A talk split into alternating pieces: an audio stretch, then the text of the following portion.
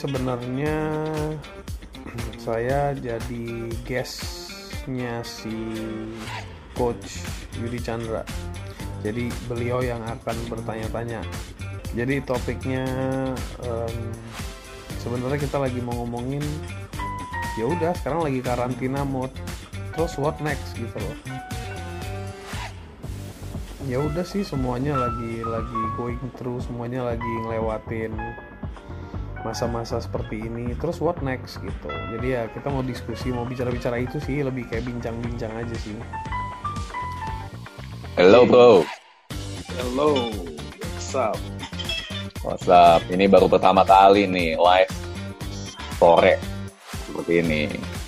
Tapi ternyata banyak live ya, sore-sore ya, baru sadar. Biasa saya sore-sore masih kerja, misalnya. malam baru live bro.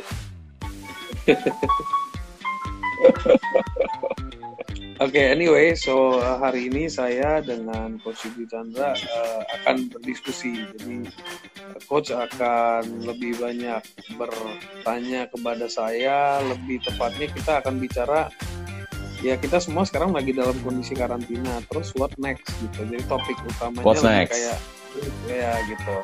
Jadi ya intinya sih kita akan diskusi seperti itu teman-teman. Semoga ada manfaat yang bisa diambil dari diskusi ini Pasti dong, pasti ada manfaatnya bro.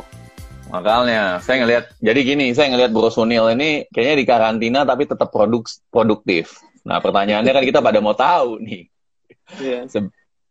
Setelah karantina ini dan kira-kira kapan ini kelarnya? Setelah itu apa? Apakah bisnis ini bakal down dulu untuk lama? Dan kira-kira kita wait and see atau nanti akan langsung membaik atau gimana kira-kira? What's next? Oke, okay. oke. Okay. Kalau gue, kalau gue itu sekarang justru lagi menggunakan momen seperti ini untuk uh, menguatkan lima aspek dalam hidup gue, bro. Lima aspek. Ya, satu adalah aspek utama yang gue gunakan momen ini adalah aspek spiritual. Jadi gue pertajam level spiritualitas gue. Kedua, gue fokus ke skill. Jadi gue mapping skill yang gue miliki sekarang apa, skill yang mau gue acquire itu apa. Jadi gue kasih waktu gue 3 sampai 6 bulan, Bro. Jadi 3 sampai 6 bulan dari sekarang gue harus bisa uh, mastering minimal satu atau dua skill. Gitu ya. wow. Ya. Oke. Okay. Uh, terus yang ketiga itu gue lebih ke inward instead of outward. Jadi dalam dalam tiga uh, dalam kondisi dalam karantina ini gue lebih banyak inward. Jadi lebih gue manfaatin untuk self analysis gue gue kuatin lagi bro. Jadi um, self analysis, oke. Okay. Self analysis ya. Jadi dari self analysis tuh maksudnya gini, oke, okay, gue selama ini mungkin ada kurang lebih sekitar 6 sampai 7 bisnis yang lagi gue fokusin atau lagi gue garap. Nah, hmm. apakah tangan gue harus masuk ke semuanya? Apa sudah saatnya gue mulai mengurangi timing gue sesuai dengan jadi sesuai dengan kapasitas gue. Oke, okay, bisnis A, gue cocoknya jadi strateginya aja. Bisnis B, gue mungkin cocok jadi marketingnya aja. Bisnis D, misalnya gue cocok menjadi negosiatornya aja. Hmm. Gitu loh. Bisnis uh, E mungkin gue cocok lebih ke mentoring atau ke counseling ke pelaksananya gitu. Jadi gue mulai mapping nih gitu loh. Terus ada beberapa bisnis mungkin yang gue nggak usah involve lagi. Apa entah gue cut off atau gue sell my shares atau mungkin gue just be a silent partner nggak mau urusin lagi gitu hmm. gitu loh. Jadi jadi gue mulai mapping gitu loh bro. Jadi gue lakuin itu Nah, terus gue mulai mempertajam itu tadi self analysis. Nah, gue mempertajam uh, lima tahun dari sekarang. Jadi gue udah nggak mikir lagi tuh lima tahun dari sekarang gue itu udah mau di position apa misalnya. Oh, lu udah buat mappingnya ya ke depannya lima ya. tahun gimana ya? Enggak, mapping itu gue rubah total. Soalnya gue udah buat mapping lima tahun itu tahun lalu. Oh, oke, okay. oke. Okay. Tahun lalu. Jadi karena kondisi pandemik ini, gue rubah lagi. Karena gue harus melihat dan dunia ini akan berubah Yang tadinya Nah, gue pikir si A, si B, si C ini akan mulai ini, ini gue gue menganggap things bakal berubah. Jadi Nah. gue harus mempersiapkan diri. eh, kalau sekarang things berubah, berarti gue memperhatikan perubahan behavior, Hmm. perubahan eh, awareness level di orang-orang ya kan. Jadi makanya gue harus remap lagi tuh plan lima tahun ke depan gitu. Hmm. Nah yang kelima adalah eh Keempat, bro. lagi Lu inward, keempat, self analysis. Oh, self analysis keempat ya. Oke. Kelima Iya. berarti. Nah, yang kelima itu gue lebih kayak em, mempertajam eh, atau memperjelas panggilan gue untuk uplifting. Jadi gue punya dream tuh menguplift one million people, bro. Jadi, nah gimana Weh. sih gue bisa nggak ngelakuin itu gitu loh. Jadi, eh, dan dari sisi apa, core-nya apa, value-nya apa, yang lebih dominan apa, eh, gue harus ngelakuin apa supaya impact-nya gimana. Nah itu yang gue lagi lakuin. Jadi eh, kalau lu tanya apa yang gue lakuin itu. Kalau lu tanya Nil kira-kira abis ini menurut lu bisnis akan down terus up? Some business will be down, some business will be on top, right? Contohnya sekarang adalah peak time di mana alat kesehatan lagi on top Mantap, benar. sekarang ini. Karena dibutuhkan kan, orang kalau sakit butuh dong alat kesehatan buat buat Pasti. rumah sakit, akses ya. Hmm. Terus kalau ngomongin masker dan sebagainya itu alat pelindung diri, which is itu momentarily sekarang lagi hype, ya kan? Em, tapi eh, yang gue lagi memperhatikan adalah lifestyle change, bro. Jadi yang tadinya orang itu Benar. tadinya cuek bebek, itu mungkin setelah setelah pandemik ini orang akan lebih health conscious, akan lebih menjaga diri, akan lebih lebih aktif, akan lebih selektif dalam bersosialisasi menurut gue. Jadi dia akan lebih selektif, dia akan lebih eh, untuk kalangan tertentu. Eh, karena semua ini kan ada fasenya ya, ada fase Betul. kalau kita ngomong piramid itu kan ada orang-orang yang di level insecure, orang-orang yang udah secure, orang-orang yang udah sukses, itu semua kebutuhannya beda-beda. Hmm. Jadi gue masuk di level yang orang-orang udah secure. Jadi gue melihatnya orang-orang yang udah secure nih larinya ke mana. Terus another thing, orang yang tadinya secure, yang tadinya menggebu-gebu tentang sukses. Nah ini, Hmm. ini, ini keren. Ini habis tiga enam bulan dari sekarang ini, mereka nggak akan menggebu-gebu tentang mau jadi orang sukses. Mereka akan mungkin mind shift, mind shiftnya itu gue mau memiliki kehidupan yang tentram dan sejahtera. Bisa berubah ya. Shifting ya. Hmm. Jadi mereka akan mulai lebih lebih humanizing humannya ini akan mulai terjadi gitu loh. Nah pada saat itu terjadi, ya eh, sorry, ini gue agak ke distract sama yang ngetik. Ya, Ya. kalau saya bicara itu, kalau saya bicara itu teman-teman jangan dipatok eh, spesifiknya ya. Jadi kalau saya bicara itu masih gambaran besar, karena di sini sifatnya diskusi. Bukan ngomongin spesifik tentang alkesnya tipenya apa gitu. Ya pastilah. Kalau kebutuhannya sekarang ventilator ya ventilator yang tinggi. Kalau yang kena diabetes semua ya pasti yang butuh alat diabetes yang tinggi. Intinya begitu bro jadi eh, ini cuman gue yang ngomong yang tadinya ventilator juga gak laku-laku banget sekarang lagi naik gitu Hmm. loh nah justru nanti pada saat eh, virus ini sudah terkendalikan ya kan Hmm. mungkin yang namanya alat kesehatan bisnisnya akan mendadak drop karena orang udah enek tuh sama yang namanya urusan kesehatan gitu karena Gitu. yang tadinya fear fear fear fear fear iya dong sudden sudden sudden curve-nya turun ke bawah dong yang mulai naik itu yang supporting produknya mau itu in eh, mau itu in apa eh, apa kalau kita disuntik Sanitizer.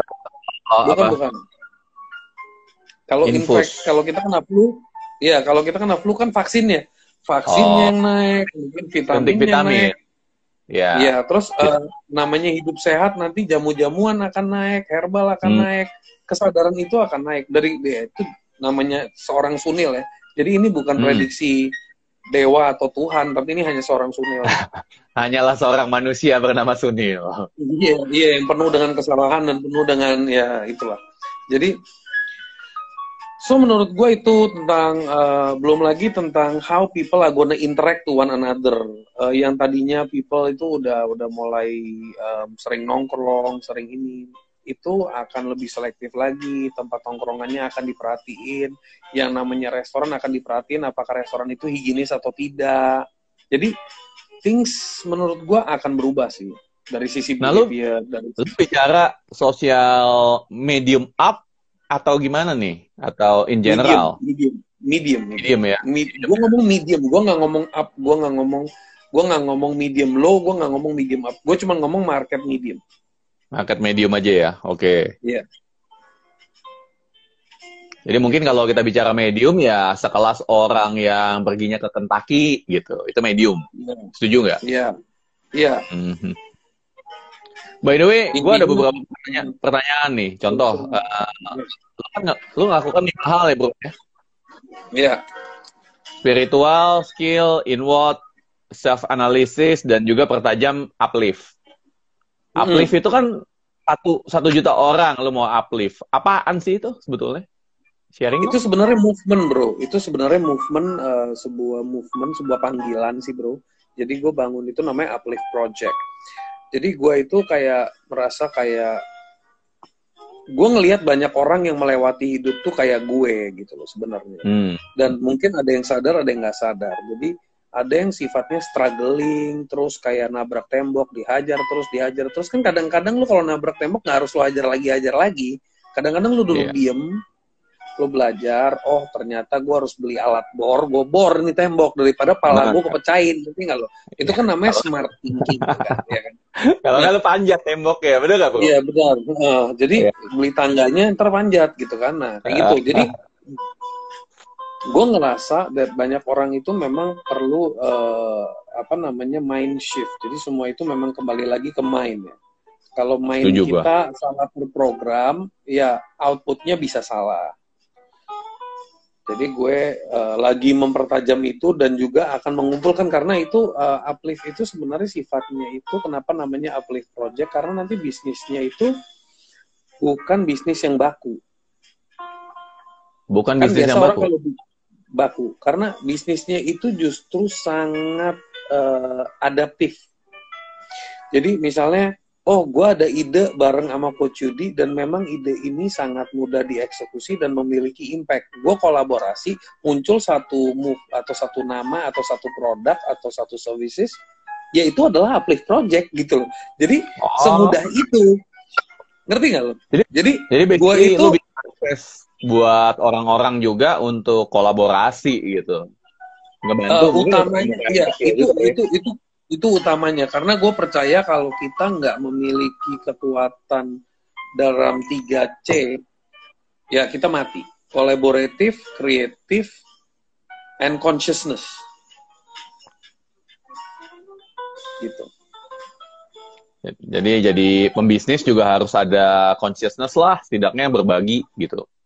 Ya betul Count me in Gitu. bro, count me in, count me in. oh ya pasti bro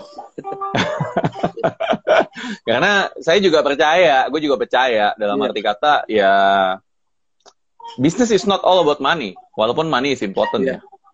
betul Tapi ada ada satisfaction lah, somewhat gimana ya? Karena itu kita juga sering ngelakuin live IG seperti ini kan tujuannya untuk apa sih? Ya apa nih? Hmm. Yang terakhir apa coach? Apa sih yang terakhir?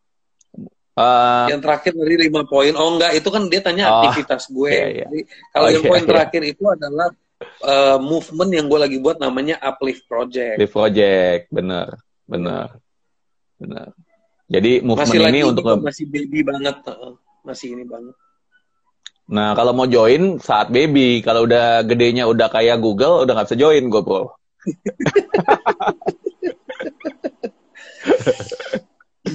ya, by the way, oke, eh, ada nggak sih hubungan antara lima hal yang lu lakuin ini? Saya ulang lagi ya, spiritual, ningkatin skill, ngelakukan inward atau pemikiran ke dalam dan juga self analysis antara bisnis-bisnis lo 6 sampai 7 bisnis itu dan pertajam uplift project yang lo lakuin. Ada nggak sih hubungannya antara lima hal yang lo lakuin ini untuk masa after the after the crisis? Of course, bro. Karena uh, pertama, kalau kita udah melewati masa-masa gini loh, ujiannya itu bukan di dalam masa krisis.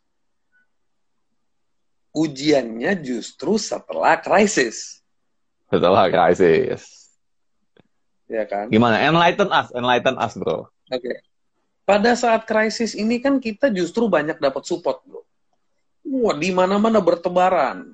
Video conference, IG live, ini, mari kita berikan manfaat, bla bla bla bla. Banyak nih sekarang nih. Kenapa? Banyak, Karena banyak. semua itu tergerak.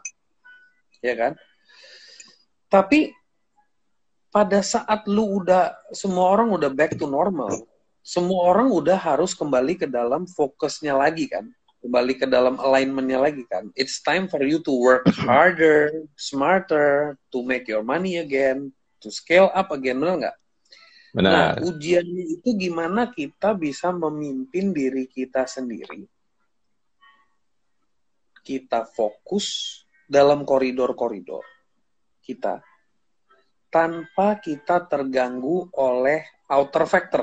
Karena setelah itu orang semua akan masuk fase kebingungan. What to do next? What to do next ya? Betul nggak? Yang bisnisnya misalnya makin hari makin rontok dan dia belum mempersiapkan skill-skill yang dia butuhin, gitu. Dia pasti akan masuk ke fase yang, gue udah nggak tahu gue mau ngapain lagi. Gue gue berpasrah aja sama Tuhan gitu. Hmm. Atau ya udah deh, misalnya ya. Itu kan adalah uh, kemungkinan-kemungkinan itu akan terjadi dan itu manusiawi banget, benar nggak? Yang di mana orang itu akan masuk ke dalam uh, fase di mana dia frozen. Ya, I don't know what to do. Because you never prepare. Because you never think. Hmm. Because you never pray. Gimana supaya otak lo nggak frozen? Gimana seorang sunil supaya nanti nggak frozen dalam kondisi yang unpredictable? Ya, core gue harus kuat, spiritual gue harus kuat. Gue harus yakin semua ini akan beres. Ada power yang sangat kuat yang selalu bersama gue dan dia akan memberi gue guidance. Nah itu itu justru momen seperti sekarang gimana lu lagi dapat kesempatan untuk work from home, uh, lu lu bisa ya lu bisa menghemat lu hemat. Dari hematan lu itu uh, lu bisa gue sih kadang-kadang pengen ngomong tapi gue semua itu Ngomong tergantung kapasitas orang intinya Kita kan gini lu bisa brutal lu bisa brutal lu bisa radikal atau lu bisa uh, smart. Itu nggak ada masalah. Jadi kalau gue tuh kadang-kadang di saat lu lagi susah lu harus smart ya tapi di saat lu udah udah bener-bener connected spiritualnya lu mendingan sedekah brutal deh. Sedekah brutal ya. Ya, sedekah brutal sedekahnya tuh macam-macam lu mau sedekah waktu waktu dari kayak begini nih kita ngomong Iya. ilmu dan sebagainya Eh, terus ya kalau lu tanya lu gila banget lu produktif banget sebenarnya gue sekalian ngebangun kayak begini tuh ngelatih skill juga bro ngelatih Betul. skill juga Setuju. tanpa disadarin Setuju. Eh, gue gue makin bicara dengan tipe-tipe orang yang berbeda dan yang gue panggil most of the people that I IG live with itu mostly pada first time IG live sama gue lo lucunya kan gitu. Jadi I was like jadi Termasuk Dan, gue Om. iya jadi kayak oke gitu. Uh, dan dari situ gue ngebangun mapping gue juga lagi mapping kan. Oh gue sharing kayak begini audience gue dapat manfaat dari yang mana? Impactnya dari yang mana? Topik yang mana? Leveraging apa oh ternyata mereka tapi kembali lagi I'm not doing this for the people I'm doing this for me kalau gue ngomong gue I'm doing this for the people, it's bullshit. I'm doing it for me. Karena at the end of the day gue mau uplift orang, kenapa? Karena itu membuat gue bahagia kan. Itu membuat gue Benar. happy kan.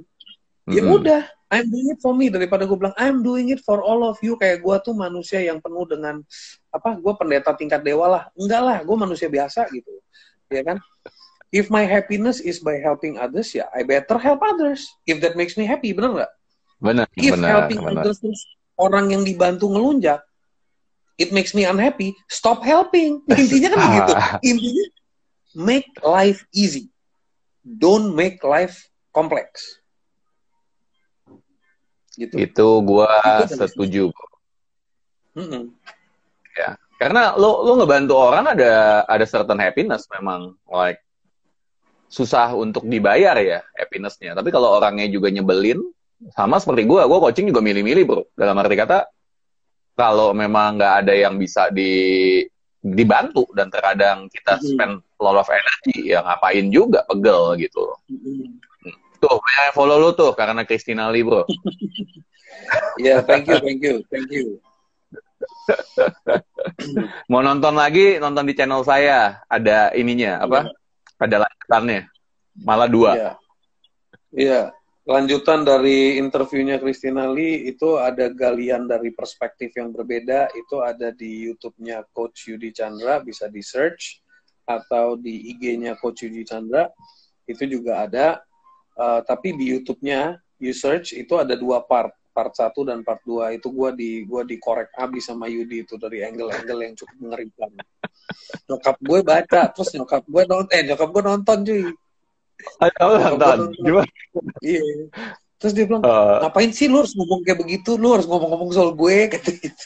oh iya iya iya emang kita ngomongin nyokap lu ya saat itu ya bener bener bener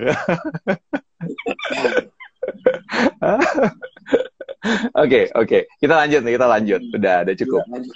jadi Ya. jadi what's next? Um, dari lima hal ini yang lo lakukan I know it's for you gitu. Tapi ada beberapa mulai contoh untuk spiritual. Jelas lah. Kita memang butuh banget ya. Maksudnya apalagi keadaan sekarang spiritual itu penting. Gue juga ngerasa jauh lebih connected spiritually. Kenapa? Karena biasanya wah udah sibuk sibuk sibuk sibuk. Sekarang like all by myself gitu sometimes Hmm. Kalau tentang skill, apa nih skill yang lu siapin untuk after? Karena lu bilang lu bakal mau master dua skill, satu apa dua skill. Dalam mungkin prediksi prediksi lu kira-kira 3 sampai 6 bulan kali bro ya. Mungkin Iya. ya, Ya. krisis ini. Nah, pertanyaannya skill apa yang lu iniin apa? Yang lu siapin untuk next-nya? Oke bro, Em, gua nggak akan beberin exactly apa, tapi gua akan beberin mungkin dua hal aja yang memang itu Boleh. penting buat orang pun tahu. Gua akan mempertajam yang namanya artificial intelligence, bro. How the technology works, how uh, it can be a very helpful tool buat banyak orang. Karena AI ya? gue lagi Hmm. mempelajari, ya, karena gue lagi belajar skill itu karena gue merasa makin kesono itu dunia makin krisis mental health, bro. Kesehatan mental tuh makin ambruk, bro. Kesehatan Dan- mental. Kesehatan, ya, kesehatan mental itu akan makin ambruk dan eh, itu hanya prediksi gue secara pribadi. Hmm. Eh, karena orang lama-lama empatinya kan makin hari makin dimampusin nih. Apalagi sekarang nih, makin lebih gila lagi nih. Kita ngobrol seenak jidat, teleponan, pakai video call, di- disaksikan oleh banyak orang. Terus eh, kita bisa ngomong apa yang kita mau. Berarti kan kita udah mulai jadi manusia yang tanda kutip, tanda disadari. Gue ngomong secara general, bukan lu ya. Itu lama-lama orang jadi kayak eh fuck it man, gue nggak peduli apa kata orang, fuck it man, apa gue nggak peduli apa kata orang, misalnya gitu loh. Dan itu adalah saat lu mulai masuk ke fase kesehatan mental lu terganggu. Beda sama buku yang The Art of Not Giving a Fuck itu bukunya si Manson, Matt Manson Ah. kalau nggak salah. Iya, Uh, iya. Itu kan ada bukunya bahasa Indonesia itu apa? Eh, Seni ya tidak seni untuk menjadi Masa masa, bodoh. bodoh. kan seni udah Ya. masa bodoh. tapi ya itu ada seninya dan kalau dibaca bukunya itu maksudnya lu nggak usah mikirin hal-hal yang di luar kontrol lu gitu kan maksudnya Benar. Benar. jadi uh, kesehatan mental ini relate banget yang namanya industri kesehatan akan akan sangat digonjang-ganjing habis kejadian ini dan yang namanya orang itu makin butuh yang namanya konseling, psikologis dan sebagainya dan itu akan berat. Dan kalau manusia terus yes, thank you Nuriati. Uh, kalau sifatnya itu uh, apa namanya?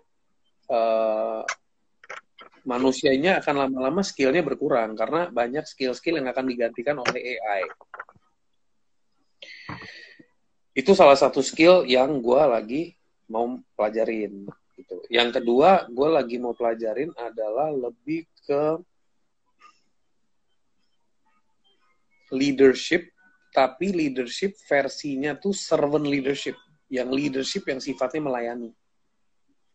Oh, interesting. Ya. Yeah. Gitu kan leadership itu ada fasenya kan. Posisi hmm. lo sebagai kapten atau posisi lo sebagai coach atau posisi lo sebagai shepherd. Nah, kalau lo udah udah merasa gue udah udah so far so far gue ngerti deh jadi kapten. Um, gue mungkin nggak cocok jadi coach misalnya gitu. Um, tapi gue mungkin harus bisa menjadi servant, jadi pengembala. Soalnya kalau gue mau menguplift orang dan gue nggak punya skill itu, gue nggak akan bisa uplift orang.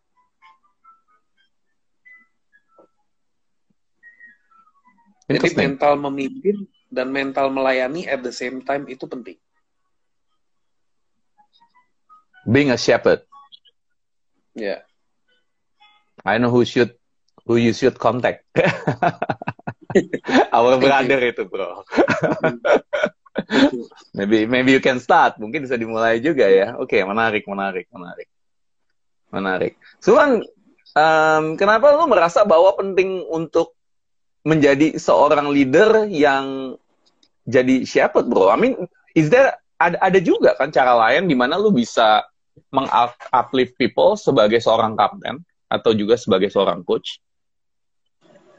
Why shepherd? Dunia nggak butuh dunia nggak butuh banyak kapten dunia butuh banyak shepherd. Begitu. Karena apakah ya. karena banyak domba yang hilang? Menurut gue bukan soal banyak domba yang hilang. Dunia lebih butuh humanism. Oh, right.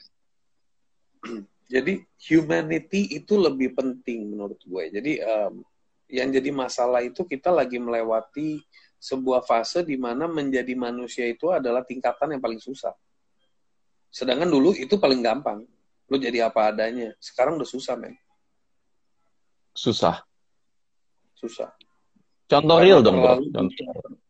Iya banyak banyak orang yang uh, gua tanyain orang-orang misalnya datang, "Pak, saya punya impian. Impian lu apa?" saya pengen membanggakan orang tua saya. Terus gimana caranya? Saya pengen punya usaha. Kenapa? Agar membuka lapangan kerja. Pengen gue tabok orang yang ngomong kayak gitu, bro.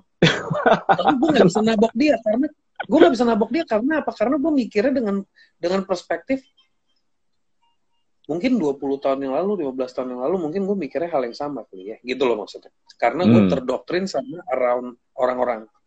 Pada intinya kalau sekarang gue ngomong, ya lu mau buka, lu mau buka usaha bukan untuk membuka lapangan pekerjaan, bro lu mau buka usaha karena lu pengen memiliki unlimited opportunity and profit. Itu dulu. Oke. Okay. Nah setelah itu okay. lu, cuman lu nggak bisa dapat unlimited opportunity and profit if lu nggak ada helpers. Uh, jadi lu oke okay, oke okay, I got it I got it ya yeah. karena memang sekarang sistem bisnis model itu berubah ya jauh berubah sih. Yes Yes. It's changing Jadi, dari own own community menjadi like shared community juga. Oke. Okay. Yeah, so ini yang buat lo jadi pengen belajar mengenai how to become accepted gitu. Iya dong, pengaruh.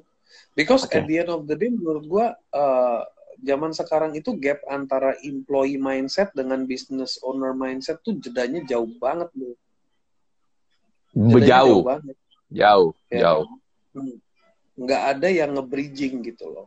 Kayak kayak ya lo tahu ya yang company yang gue lagi jadi konsultan itu gue sempat yeah. tanya tuh ownernya kan kenapa lo hire gue gitu kan dia ngomong sama gue satu hal dia bilang gue udah pengalaman hire hire orang orang itu nil kalau gue hire kalau nggak dia wah fokusnya ke bisnis tapi nggak ngerti IT-nya. Begitu gue hire jagoan IT, dia ngerti IT-nya kagak ngerti bisnisnya. Nah, lu, lu itu, lu itu kayak hidup di dua dunia, bro katanya gitu. Jadi gue gampang ngomong sama lu, kondisi bisnisnya ini, lu translate ke IT-nya begini. Begitu ada masalah di IT, lu ngejelasin ke gue juga dengan bahasa gue. Jadi dia merasa gue tuh kayak bisa communicate dengan dua bahasa gitu loh. Dan gue bisa memahami itu. Nah itu kan adalah sebuah pengalaman yang menjadikan skill tuh, istilahnya gitu. Iya, benar. Tapi dalam proses itu kan berarti gue harus bisa memanage ekspektasinya kedua belah pihak dong. Misalnya si company ownernya punya ekspektasi tertentu, timnya atau direktur yang lain punya ekspektasi tertentu, staffnya punya ekspektasi tertentu, belum lagi tim IT-nya nge-look up to me punya ekspektasi tertentu, ya gak? gue nya juga punya ekspektasi ke tim gue, gue juga punya ekspektasi ke orang-orang yang bekerja sama-sama gue. Belajar dari sisi itu, kita harus bisa memiliki kesadaran bahwa inovasi itu penting, eksekusi itu penting, komunikasi itu penting, tapi juga nggak boleh terlalu ngekang. Nah, servant leadership itu konsepnya bukan mengekang atau membombardir gitu, tapi lebih ke memfasilitasi, menjadi fasilitator. Hmm. Gitu sih bro. Model lu servant leader leadership sekarang itu siapa kalau somebody deh? Belum. Karena belum, yang belum belum belum. Karena yang muncul lagi, di otak lagi lagi mapping. Uh-uh. Karena muncul di otak gue itu when you're talking about servant leadership itu salah satunya Mother Teresa. Gua nggak nggak ke arah sana karena itu lebih ke spiritual. Oke, oke. Okay, iya. okay. Gue mungkin lebih ke arah korp. Jadi gini, gue lagi mencari sosok yang sifatnya memang dia adalah seorang top leader di sebuah korporasi dengan skill servant leadership. Hmm. Atau dia adalah seorang high ranking di army, tapi dengan skill uh, servant leadership. Jadi gue mencarinya yang itu karena gue mencari orang yang tough. Karena gue tipenya tough, gue tipenya nonjok bro. Gue tipenya itu gue di gue tuh di toil dikit langsung gue tembak orangnya istilah gitu loh. Nah, hmm. itu gue nggak bisa rubah. Itu adalah gue. Gue nggak nggak perlu ribet merubah diri gue. Yang perlu gue lakuin adalah melengkapi diri gue. Ini hanya contoh, Maybe, teman-teman hmm. harus menyadari dirinya. Maybe Sir, Sir Richard Branson? Uh, ya lagi-lagi lagi lagi menganalisa loh, bro. Kan masih ada waktu lagi, nih, lagi belajar. Oh. Oke. okay.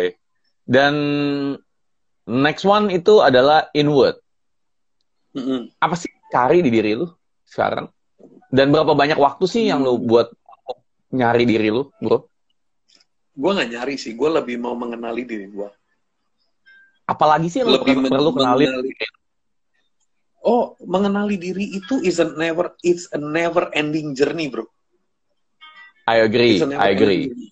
Cuman kan kadang-kadang kita kita nggak menjadikan itu sebagai salah satu task atau sebagai salah satu biasanya gini lah kita kalau lagi kayak begini-begini terus kita kenalan sama orang kan kita langsung otaknya jalan wah gimana gue deketin dia nih gimana gini-gini.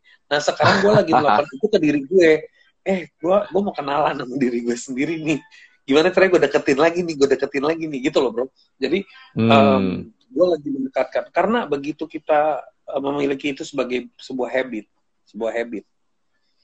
Jadi kita tuh pulang tuh bisa ngobrol sama diri kita sendiri, mengenali diri kita sendiri, kita bisa mendengarkan suara kita sendiri. Lama kelamaan itu akan menjadi the best partner of your life sih menurut gue, the best partner of your life. Lu nggak akan merasa perlu punya partner lain karena partner lain itu hanya mungkin fraction, 20%, 30% that completes your life but 70% is yourself. So your best partner is yourself. Yes, yes, yes, yes. Your own shadow is your best partner, man. I call I call my own shadow is my wife. Yeah. Salah satunya ya. Ya, ya, ya. ya. Oke, okay. dan oke, okay, so pembicaraannya so, agak berat ya guys. Mau dijadiin receh juga boleh.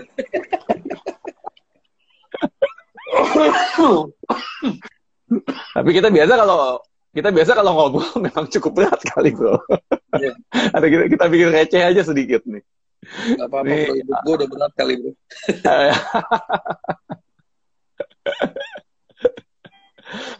nah, self self analysis ke 6 sampai 7 bisnis lo. Um, apakah ada hubungannya dengan lo punya time management atau juga ada ya. hubungannya ya. dengan prediksi ke depannya?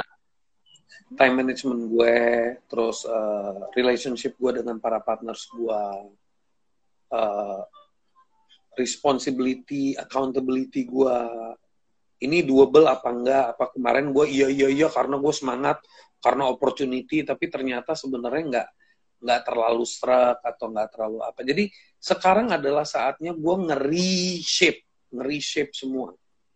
Gitu. How?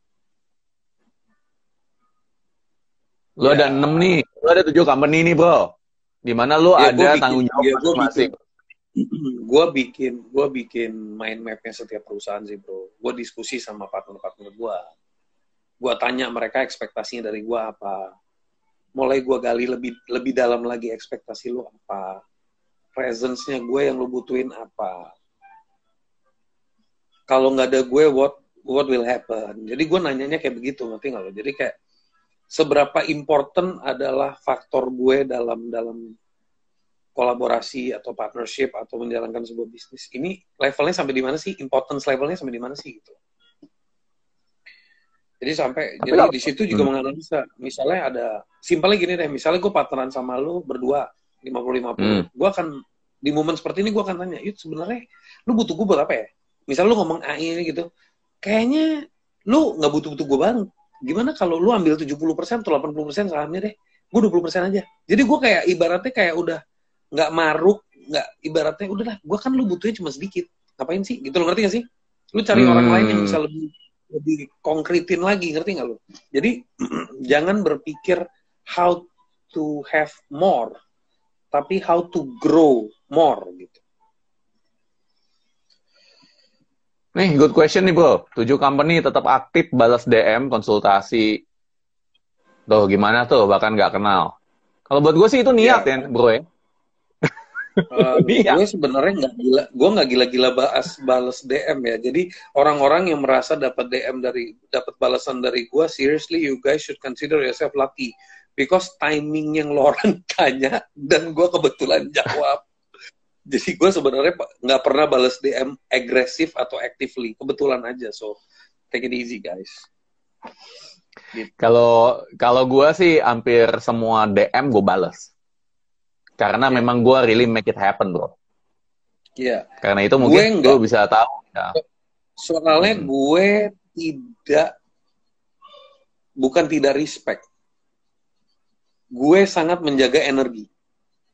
Jadi gue harus ngomong ke orang-orang. Gue udah berapa kali bikin uh, info juga bahwa gue itu sangat mengutamakan energi gue. Kadang-kadang teman-teman mungkin nggak sadar kalau DM-nya itu pertanyaan-pertanyaan yang bisa dijawab atau dicari di Google jawabannya. Cuman pengen dapat validasi gue yang jawab ya. Benar, gue merasa gue bukan gue bukan artis atau famous person yang followernya jutaan.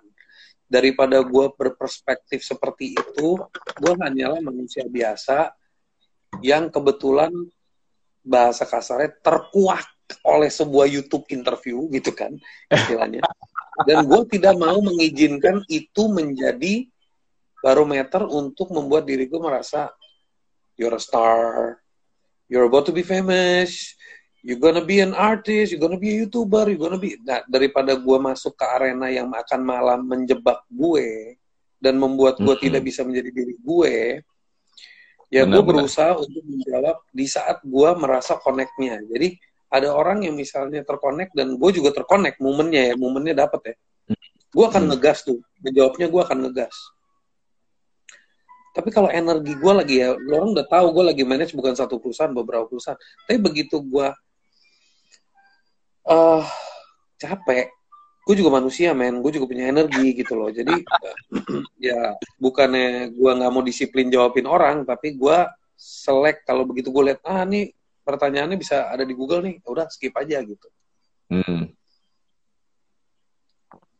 Tapi mungkin kalau gue boleh sharing salah satu hal yang gue lakukan ya gue bikin YouTube karena ya banyak Hmm. pertanyaan-pertanyaan yang perlu dijawab yang gue malas jawab. Oh iya. Jadi gue bikin aja YouTube. Well, ini IG live yang gue lagi lakuin sebenarnya. Itu relate ke banyak pertanyaan yang datang ke gue. Sebenarnya. Hmm. Jadi lu leverage juga, bro. And dan ini ini ini yang juga gue lakuin. Jadi bisa di leverage Hmm. lah. Kalau jawabin atau-atau bonyok juga kan. Hmm. Oke, lanjut nih, bro. Nih ada pertanyaan nih. Aduh. Mau tanya, kalau ngenalin diri sendiri pakai model apa tuh metodenya? Kayak model Tadi. HRD gitu, waktu hiring kayak metode DISC bisa dibaca kepribadian dari grafik atau metode lain. Gua gua sih sekarang lagi mempelajari yang namanya human design. Itu gue lagi pelajarin. Ya, gue udah ngikutin semua tes ya guys. Jadi gue ada fase di mana gue waktu itu ikut DISC, gue ikut eh, apa tuh Hmm. yang tes apa tuh eh, jari tangan apa sidik jari ya? Eh, Yang 10 Stephen- duk, Stephen- duk, duk. Stephen- Stephen, bener, Stephen. Stephen. Terus gue ikut uh, personality test, gue ikut uh, strength finder test, dan gue udah kumpulin itu semua bro di satu folder. Jadi um, itu ada keseruan sendiri yang membuat gue jadi tahu, tapi nggak gue jadiin itu sebagai label. Hmm, benar, penting tuh. Penting, penting. Jadi gue cuman mapping, oh iya ya, gue emang belakangan ini lebih banyak melakukan ini. Oh ternyata cocok, berarti gue harus lebih tajamin ini. Tapi dalam proses itu ada hal-hal yang gue lemah. Nah di situ gue lihat, oh bagian Hmm. ini, bagian ini, bagian ini, berarti gue harus mempertajam ini nih, gitu. By the way, strength lo apa sih, bro? Penasaran gue. Ini lompat dikit nih jadinya nih. Strength gue, maksudnya di Strength Finder. Iya. Apa sih? Hmm, yang pasti di situ gue communication is one of the key strength. Individualization is another key strength. Futuristic is another key strength. Tiga aja lah ya, nggak usah. Kayaknya cuma tiga deh yang paling penting. Enggak, di situ ada tujuh bro. Ada tujuh. Top itu tujuh. Tapi yang gue lihat Dari sangat 34 relate. Dari 34 ada tujuh. Individualism dan communication. Itu interesting banget. Itu dua area yang like very different gitu. Individualization kalau gue baca itu artinya gue bisa spot. Misalnya gue ketemu lo, gue bisa spot kekuatan lo apa. Terus gue ketemu Christine Ali, gue bisa spot kekuatannya apa. Terus gue dengan dengan otak gue, gue, gue yakin gue bisa konekin lo berdua karena kekuatan lo saling melengkapi. Kayak gue bisa put the right person doing the right thing gitu loh. Ngerti gak sih? Hmm. Connecting others, bro. Mungkin itu juga salah Iya. satu hal kenapa lu bikin uplift project. Karena ya, Iya, yang dari apa yang gue lihat di uplift project itu, it's basically connecting others sih. betul. Bro. Gonna be good karena it's your strength. Yes. Hmm. Oh, kok gue nggak pernah disupport bro, bos Sunil tuh. itu itu solid gue banget dia kalau ngomong emang suka nyentil nyentil gue ampun bos Eki ampun bos Eki saya minta ampun saya selalu support dengan doa bos Eki nanti kalau saya punya di, di bitcoinnya banyak saya transfer cryptocurrency ya bos Eki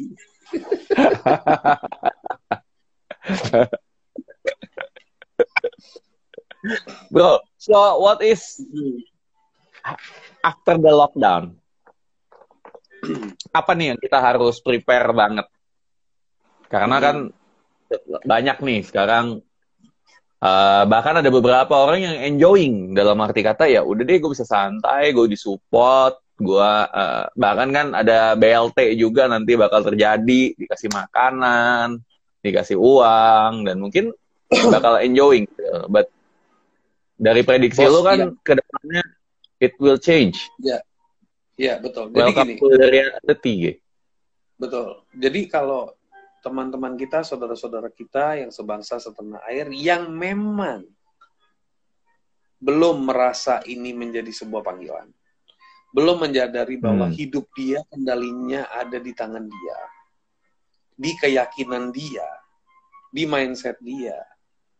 Dan dia belum melakukan bagian itu. Dia langsung seret. Saya serahkan semua kepada Allah Subhanahu wa taala. Gitu ya misalnya gitu. Ya nggak apa-apa juga, be my guest gitu loh. Nangkep gue. Gue cuman concern sama teman-teman yang nanggung. Jadi udah kadung belajar, udah kadung baca, terus tapi punya kendala. Kendalanya cepet drop negatif lebih menguasai. Nah, orang-orang itu kan perlu pertolongan banget ya, bro ya. Beda Benar. sama orang yang udah, gue nggak perlu baca. Orang gue dari kemarin juga kerjanya semir sepatu. Ya udah kalau ada yang lewat gue semir, kalau nggak ya udah gue cuma berharap dari Tuhan. Nah, kalau orang misalnya mindsetnya begitu ya nggak usah diganggu. Kita doain gitu loh. Tapi doain kalau aja ya. ya. Jadi kalau dan kalau bisa kita punya duit ekstra kita sedekain nggak apa-apa Cuman kita ingetin nih duitnya lu buat baca buku kalau bisa, kalau nggak kasih buku. Kan kita misalnya beli buku, kita kasih buku-buku lah. Ya kan donasi buku. Nah, jadi kayak tuh kayak si ini nih, si Kiang. Gue si perhatiin kan dia, ya, gue perhatiin kan dia, no matter what dia tetap mau belajar, tetap mau baca, dia nggak peduli dia punya position apa, dia malah menginterview penumpang-penumpang, ya kan? Hmm. Itu artinya punya willpower to go to the next level. Setiap orang kan waktunya beda-beda. Ada yang butuh lima tahun toto sukses, ada yang butuh 50 tahun baru sukses. Santai hmm. aja guys gitu loh. Yang penting nah. kita mindsetnya udah ready. Jadi pas suksesnya datang jangan kita kelabakan. Nah lucunya kan mindsetnya belum ready, suksesnya datang mati kan lo bro. Iya, benar. Itu lo bahaya lo. Lo menang lotre 100 miliar ya kan? Kagak lu. Ya, selalu dagang bakso, dapat 100 miliar. Otak lu ke mana? Yang ada satu kampung semua ngegrogotin karena lu udah nggak mempersiapkan plan. Nah itu. Dan dan ya itu sama kayak anak kecil dapat senjata nuklir bro. Nggak tahu nah, diapain itu. Ya tembak-tembakin aja kan ke tetangga-tetangganya kan mati kan. Iya mati. Tapi ya yeah. kalau gue lihat sebetulnya ya kalau kita lagi ngomongin ngomongin si Sikyang nih, ya, salah satu alasan kenapa gue juga dukung dia, walaupun dia cuma grab driver, ya karena dia ada willpower. Jadi guys, kalau kalian beneran serius, kalian nunjukin banyak orang yang mau bantu karena pekerjaan itu sebetulnya kita sebagai bos-bos atau sebagai leader juga nyari tim yang kuat. Betul. Nggak kuat kayak apa nggak kuat kayak? Itu namanya nggak kuat kayak bro gitu gua sih bersyukur okay. sahabat gua Eki kuat nontonin gua live itu aja gue gue alhamdulillah banget ki pertanyaannya dia masih nonton nggak bro jangan-jangan udah out kita lihat komen nggak ya jangan udah out udah out ya he's, he's my very good friend Oke. Okay. Oh iya masih masih masih kuat dia. Iya. Oke oke oke oke. Ini belum selesai selesai nih pertanyaan gue dijawab dulu dong bro. Iya. Udah kan tadi so udah gue jawab. So what is next? Dalam dalam arti kata kan kita baru bilang ya lu kalau memang lu menyerahkan kepada Tuhan dan juga mungkin pemerintah ya. Nah, itu mungkin ya udah diamin aja deh. Tapi kan orang-orang yang memang butuh dibantu itu ya lu lu perlu bantu kan. Iya. Yeah. Uh -uh. Oke, okay, jadi kalau lo nanya what next ya menurut gue yang udah punya bisnis sekarang kalau bisnisnya lagi drop ya tetap hmm. bertahan. Gimana pun caranya jangan sampai dia totally banting setir. Kedua, dia pelajarin skill-skill baru di saat orang-orang nanti ke depannya akan butuh. Karena banyak orang yang akan muncul. Contohnya, contoh contoh positifnya ya, hmm. optimisnya ya. Misalnya dalam enam bulan ke depan akan terjadi banyak orang akan no more having jobs ceritanya. Apa yang akan terjadi? Nah banyak orang mau bilang, wah nanti kalau nggak ada job akan terjadi chaos. Nah itu satu sisi Tapi yang mereka lupa nggak mau lihat sisi optimisnya, bos, semenjak udah nggak ada job, sekarang yang namanya makin banyak orang memberikan free education, free skill courses, course yang untuk skill. Akhirnya mereka mencoba, entah itu main game bisa jadi bikin duit, entah itu hmm. mendesain grafis bisa menjadi bikin duit. Contohnya ya kan? Nah, akan bermunculan calon pengusaha baru sebenarnya. Mm. Mm -mm. Dalam skala yang banyak akan bermunculan. Nah, masalahnya yang bermunculan ini adalah orang-orang yang memiliki willpower dan uh, spirit dan basic skill untuk mulai dulu. Yang kerjanya cuman komplain, komplain, komplain, ya ujung-ujungnya susah bro. Dan mereka butuh di tolong secara psikologi iya, secara finansial iya, secara materi iya, secara basic necessity. Makanya mereka masuk ke dalam kategori apa tuh kartu prakerja dan sebagainya yang lagi dibuat sama government. Dan itu juga sedang jalan kan bro. Jadi intinya gue ngelihat that justru di saat itu new kind of jobs are gonna come up. Beneran new kind of jobs yang ternyata orang tadinya nggak punya skill sekarang bakal nawarin eh guys gimana kalau rumah lu gue bersihin? Karena gini duit itu duit itu datang kalau banyak orang males. Lu males sapu pel rumah lu lu males sapu pel rumah lu lu panggil orang untuk mm -hmm. sapuin nama pel rumah lu. Makanya lu males makanya lu bayar. Lu males pergi beli martabak manis yang jaraknya 3 kilo makanya ada GoFood. Bener nggak oh. bos Iya, yeah, benar, benar. Emang lu males gitu loh. Jadi hidup lu dibuat lebih enak. Nah, makin banyak orang bisa melayani lu, makin mantep kan, gitu loh. Tapi kalau lu ada duitnya, orang layanin lu ya kalau lu gak ada duit juga gak ada yang mau layanin lu, bro. Cuman kan harganya sekarang jadi bervariat, variannya lebih besar, bro. Yang tadinya hmm uh, lu panggil tukang listrik yang tadinya standar price-nya 200 ribu, dia siap ngerjain di harga 45 ribu. Kan things berubah. Kan gue bilang ekonomi akan keriset. Turun dulu baru naik. Hmm. Mungkin ya karena ini, ya kalau dulu kan tukang listrik juga lu nggak bisa nyari tukang listrik langsung kan. Yang dilakukan adalah lu mesti cari kontraktor untuk keberesin. Tapi sekarang kan dengan adanya teknologi ini lu bisa dapat akses. Mungkin itu juga kali ya, bro ya. Betul, bro. Jadi maksudnya orang-orang itu mulai bisa uh, ready to adapt. Adaptasi ini yang akan membuat perubahan masif. Ini hanya hmm. dari kacamata gue yang masih simple, uh, ya itu deh gitu. so Jadi there will mereka be more, more pengusaha, there will be more pengusaha, there will be more opportunities, there will be many funny new new kind of jobs, new kind of job seriously akan bermunculan Um, terus yang paling seru lagi bisnis para motivator, para inspirator, para coach mungkin akan meningkat karena banyak orang merasa it's time to scale up their skill. Mereka butuh guidance, mereka menyadari bahwa gue butuh di guide. Uh, terus yang stres berarti bisnisnya para dukun akan naik, bisnisnya. gua, jadi menurut gue habis habis lockdown itu Gunung Kawi rame. Bicara. Ini siapa sih? Wito Wito Wati oh, Mena. Mena.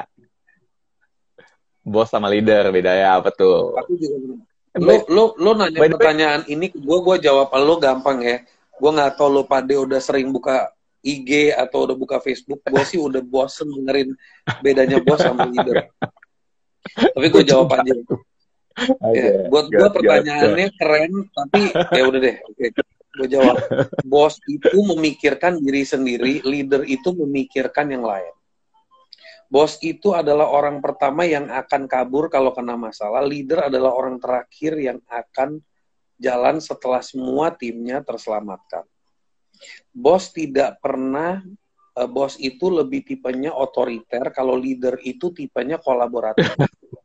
huruf aja beda betul nah udah itu aja nah kalau bos itu adalah Eki kalau leader itu adalah Sunil canda nih canda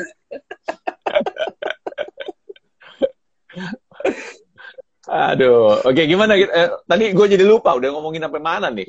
Udah ngomongin udah, udah 13, 13 detik, 12 detik, 11 detik. Kita nanti lanjut lagi nih abis itu. Ya udah lanjut kita close down deh. 6, gue jam 6 5, 4, 3, 2, 1. Oke, lanjut bro. Lanjut. Next question apa? Mm -hmm.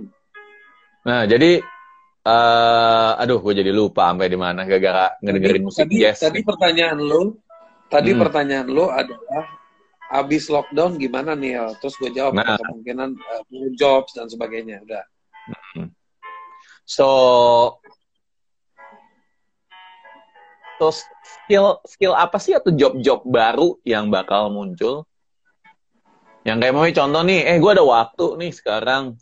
Kira-kira mungkin 3 sampai 6 bulan ke depan atau mungkin lebih. Gue mesti ngapain nih?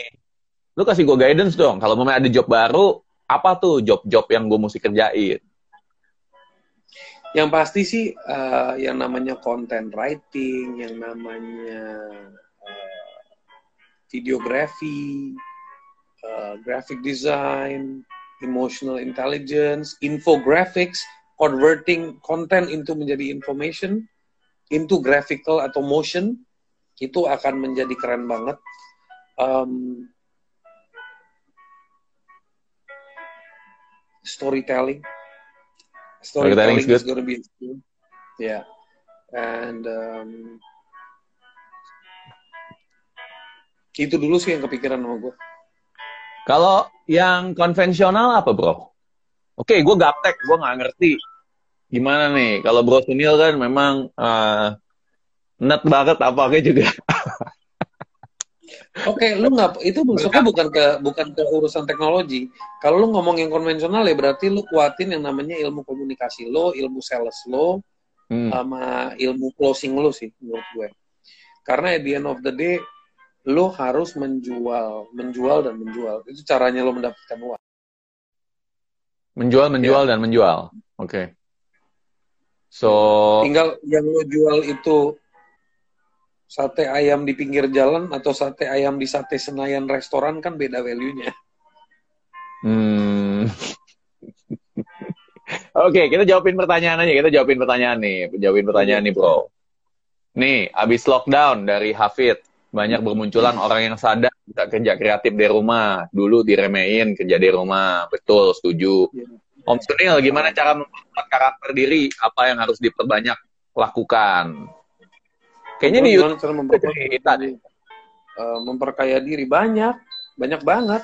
Salah hmm. satunya hmm. adalah self disiplin, terus hmm. uh, apa communication, uh, leadership, kepemimpinan, banyak soft skill soft skill untuk memperkaya diri itu banyak. Tinggal lo pilih aja yang cocok sama lo jangan dipaksain. Hmm.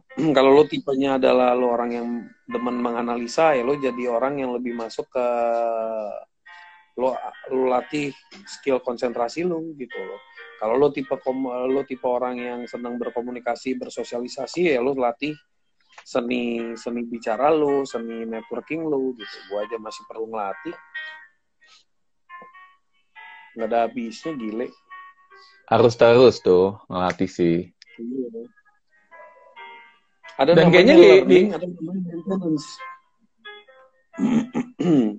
Kalau lo nggak maintain juga lo akan hilang skillnya. Hmm. sama kayak kaki lo diikat terus menerus juga lama-lama nggak bisa jalan kok. Betul. Gimana caranya hmm. jadi leader yang tetap di respect lo kalau mau jadi leader yang tetap di respect tiap hari lo buka IG terus lo bikin uh, itu apa? Giveaway ratusan juta rupiah. Enggak itu joking joking. Apakah kita pergi makan bareng karyawan di tempat yeah. posisi kita? Ditempatin posisi kita sebagai teman. Saat having fun mohon pencerahannya. Oke okay. itu adalah um, itu adalah sebuah skill yang namanya lo menciptakan uh, gini ada dua ya. Ada yang namanya charismatic personality ada yang menjadi uh, interesting personality. Nah karismatik itu biasanya lo udah dapet bakat Kalau interesting personality itu lo ciptain dengan caranya lo banyak memperkaya diri lo dengan soft skill. Gimana lo berkomunikasi sama orang, lo sopan. Kadang-kadang nada bicara lo, kadang cara lo. Uh, kalau kayak gitu-gitu tuh gue cuman mau lo ngikutin cara orang barat deh. Gue perhatiin leader-leader barat tuh keren. Mereka bisa keras, bisa ngebir bareng sama timnya, bisa keras di hmm. Tapi respectnya tetap terjaga. Kalau di Asia kan kadang-kadang nggak bisa ya. Lo kadang keras di kantor, begitu lo ngajakin ngebir mereka nggak mau. Begitu lo ngajakin ngebir atau lo ngajakin ngopi bareng, begitu lo kerasin mereka baper. Jadi ya beda lah. Itu namanya emotional quotient-nya harus lo tingkatin. EQ lo harus lo tingkatin, IQ lo harus lo tingkatin, SQ lo juga harus lo tingkatin. Wah. Kalau gua sih gini, William. Kalau mau jadi leader yang tetap di respect, kalau buat saya kunci nomor satunya respect yourself. Kita harus respect diri kita sendiri loh. Jangan sampai kita melakukan hal-hal yang sampai or, kita menjadi seseorang yang nggak di-respected. Contoh gini, jadi leader kayak saya. Saya sama tim, tim saya hampir semua wanita. Semuanya wanita, bro. Bahkan um, tapi ya salah satu hal yang saya lakukan adalah I make sure bahwa saya respect mereka dengan respect myself, saya nggak pernah ganggu-gangguin dalam arti kata malam-malam diteleponin atau um, ngomongin pembicaraan-pembicaraan yang agak genit-genitan atau hal-hal yang bakal hmm. ngelihat, eh gue jadi kok kayaknya coach Yudi gitu banget sih. I don't do that gitu. Kenapa? Saya respect myself. Eh, gue leader loh. This is how a leader should be. Hmm. Gitu. Nah, jawabanku sih simpel aja kayak gitu sih, Bu. Iya. Yeah. Nah, itu. Tuh, Eki atau nanya lu tuh, bro. Gue masuk kategori yang mana? nah, Eki udah, gue, gue, gak mau, gue gak mau jawab lagi, Eki. Eki harus telepon sama gue. Males gue jawab di sini.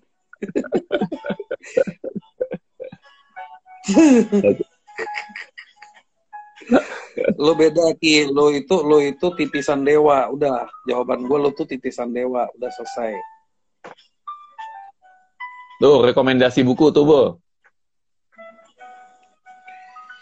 Aduh bro, rekomendasi buku buat apa sebenarnya? Kalau pada nanya rekomendasi buku beneran bakal lo baca nggak sih? Jujur aja. Oke, okay, kalau lu ngomongin rekomendasi buku tentang mempelajari IQ, gue nggak tahu saat ini. Tapi gue akan cari tahu nanti gue akan posting di IG gue Willy. Uh, basically kalau lu ngomongin EQ salah satu yang sering banget ngomongin EQ itu Anthony Dio Martin. Tinggal hmm. tinggal cari aja tuh di Instagram dan juga dia siaran radio terus menerus nggak usah beli buku dengerin dia juga kalau memang niat nontonin ya itu gratis kok. Mm -hmm. Tuh, dibaca tuh di bukunya. Bagus. Udah gue jawab, mantap. Oke. Oke. Apa lagi, Bro?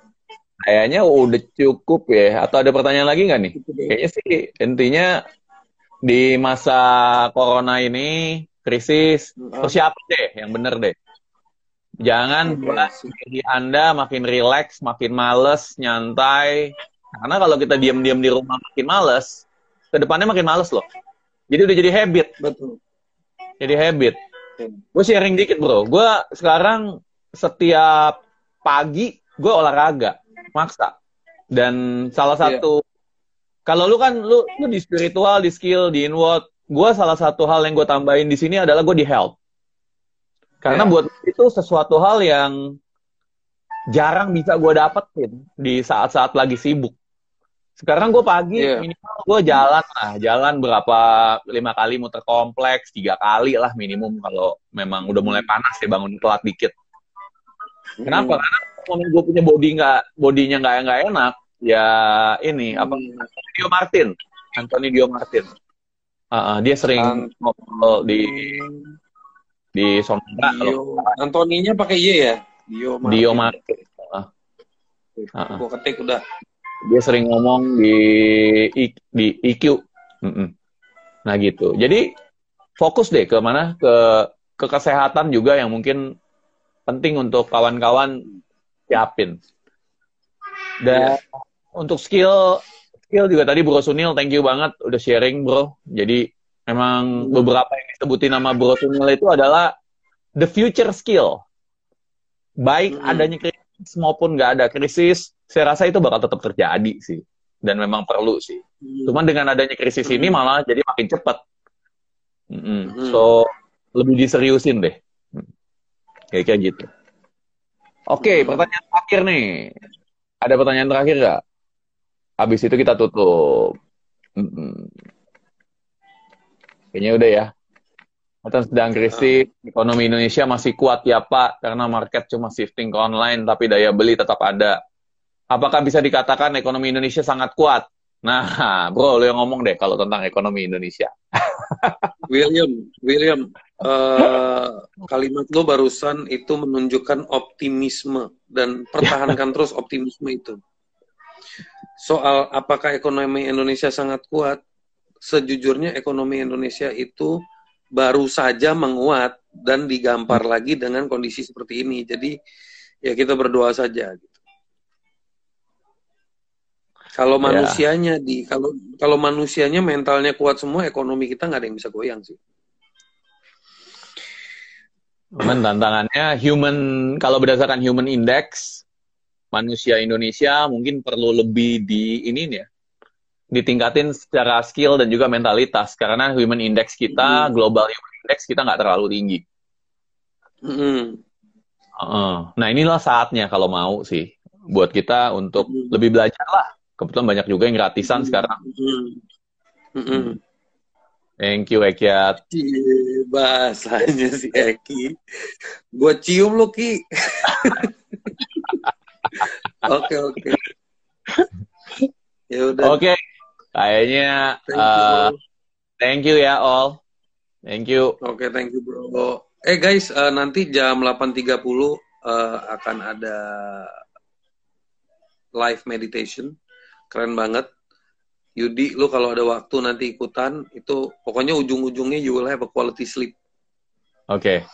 Dan buat kalian teman-teman, gue promo juga dikit deh ya kebetulan ya. Buat kalian teman-teman yang pengen belajar lebih banyak, saya ada presentasi nanti jam 6 sore. Uh, oh iya, ada di Zoom tuh, iya betul-betul. Yes. Zoom. Investasinya 100 ribu, tapi 100% sumbangin ke benih baik. Uh, Saya Iya. udah taruh di saya punya IG story. Di sana Mhm. akan buat present ini beneran presentasi, beneran workshop. Jadi Hmm. welcome banget untuk join sekaligus berdana dan berbuat baik di Zoom. Iya. Nanti kalau ini kalau pengen ikut di WA aja tim saya. Thank you. Oke. Eh, Jangan buat lupa apa? ya guys, eh, Coba jangan lupa cek. YouTube-nya. Jangan lupa cek YouTube-nya Coach Yudi Chandra, jangan lupa cek Insta Story-nya ada jadwalnya, jangan lupa cek feed-nya juga ada di situ juga. jangan lupa pada follow Coach Yudi Chandra dan follow Terus, Neil Samani udah pasti juga. 830 830. Kalau gue punya 830 yang eh, seminar online eh, workshop itu sama Coach Yudi Chandra jam 6 sore itu investasinya 100 ribu itu 100% disumbangkan ke benih baik. Tepatnya langsung bayar ke benih baik. Tanda Iya. apa? Tanda pembayarannya di WA atau di DM. Habis itu langsung saya kasih link Zoom-nya. Gitu. Thank you. Oke Thank guys, you, bro. selamat sore semua, sukses semua, enjoy muka lu ke mana Yud? Oh iya, gua- Gue lupa, bro. kepencet, kepencet. Oke, Allah take care, Oke. Oke, thank you, thank you. take care ya. Alright, thanks. Yo, thank you, bro. Bener juga kepencet, bro.